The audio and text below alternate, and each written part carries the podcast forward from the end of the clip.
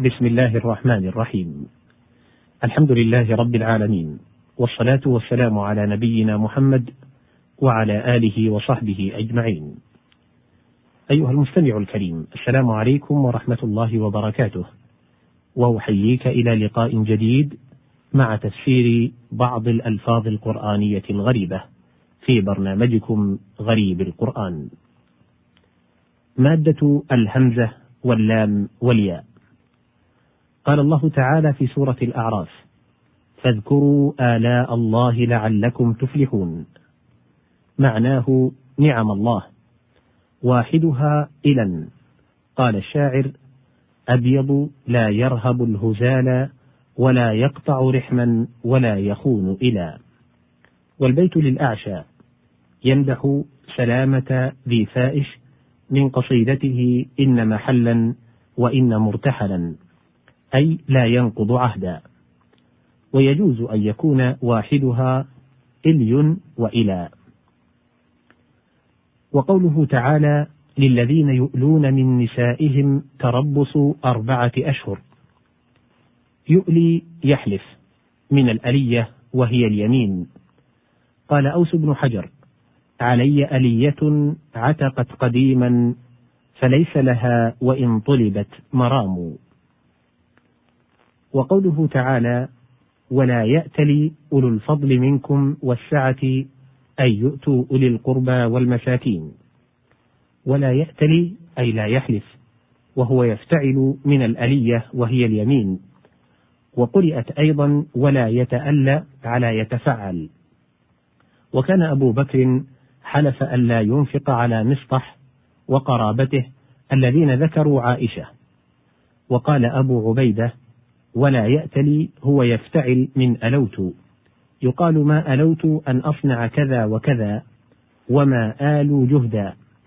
قال النابغة الجعدي وأشمط عريانا يشد كتافه يلام على جهد القتال وما ائتلى. أي ما ترك جهدا. الهمزة والميم المضعفة قال الله تعالى في سورة الطور فما أنت بنعمة ربك بكاهن ولا مجنون أم يقولون شاعر نتربص به ريب المنون؟ أي بل يقولون وليست برد استفهام. قال الأخطل كذبتك عينك أم رأيت بواسط غلس الظلام من الرباب خيالا. لم يستفهم إنما أوجب أنه رأى بواسط غلس الظلام من الرباب خيالا. الهمزة والميم والتاء. قال الله تعالى في سورة طه لا ترى فيها عوجا ولا أمتا. أي لا ربا ولا وطأ أي لا ارتفاع ولا هبوط. يقال مد حبله حتى ما ترك فيه أمتا أي استرخاء. وملأ سقاءه حتى ما ترك فيه أمتا أي انثناء وقال يزيد بن ضبة لها صورة كالشمس أشرق ضوءها منعمة بيضاء ليس بها أمت. وقال العجاج ما في انجذاب سيره من أمتي الهمزة والميم والراء. قال الله سبحانه وتعالى في سورة القصص قال يا موسى إن الملأ يأتمرون بك أي يهمون بك ويتوامرون فيك ويتشاورون فيك ويرتؤون. قال النمر ابن تولب أرى الناس قد أحدثوا شيمة وفي كل حادثة يؤتمر.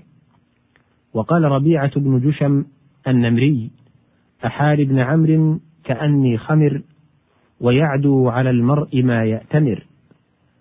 ما يأتمر ما يرى لنفسه فيرى أنه رشد فربما كان هلاكه في ذلك.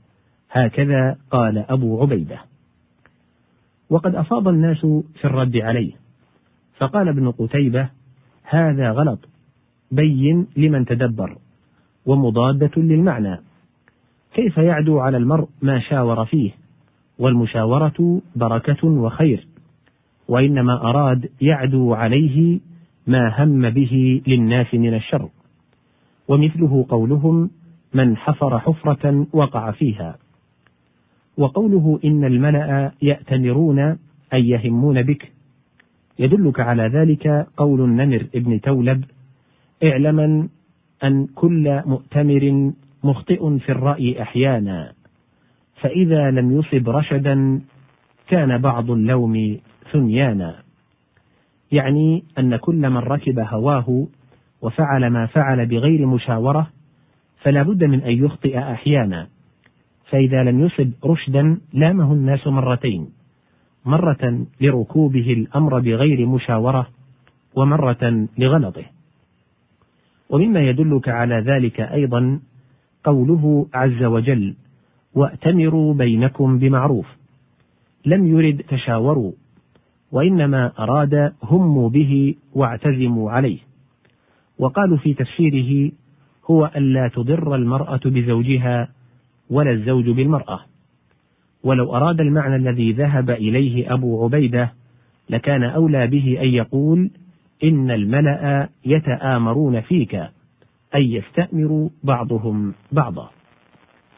وقال تعالى في سورة الكهف قال أخرقتها لتغرق أهلها لقد جئت شيئا إمرا أي داهية نكرا عظيما. وفي آية أخرى شيئا إدا. قال لقد لقي الأقران مني نكرا داهية دهياء إدا إمرا.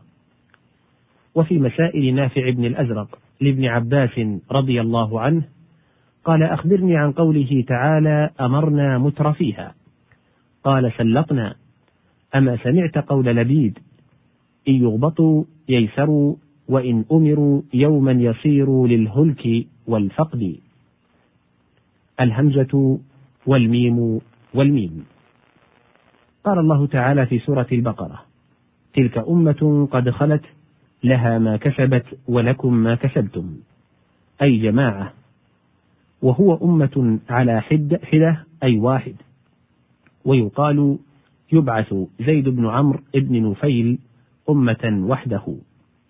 وقال النابغة الزبياني من القصيدة التي يعتذر بها إلى النعمان ابن المنذر عما وشت به بنو قريع في أمة وإمة ومعناه الدين والاستقامة حلفت فلم أترك لنفسك ريبة وهل يأثمن ذو أمة وهو طائع. ذو أمة بالضم والكسر والمعنى الدين والاستقامة. ويقال لكل جيل أمة. ومنه الحديث لولا أن الكلاب أمة تسبح لأمرت بقتلها. وفي الحديث وإن يهود بني عوف أمة من المؤمنين. يريد أنهم بالصلح الذي وقع بينهم وبين المؤمنين كأمة من المؤمنين كلمتهم وأيديهم واحدة. إلى هنا تنتهي هذه الحلقة. ولا نزال في مادة الهمزة والميم والميم وتمامها بإذن الله في الحلقة التالية. أستودعكم الله والسلام عليكم ورحمة الله وبركاته.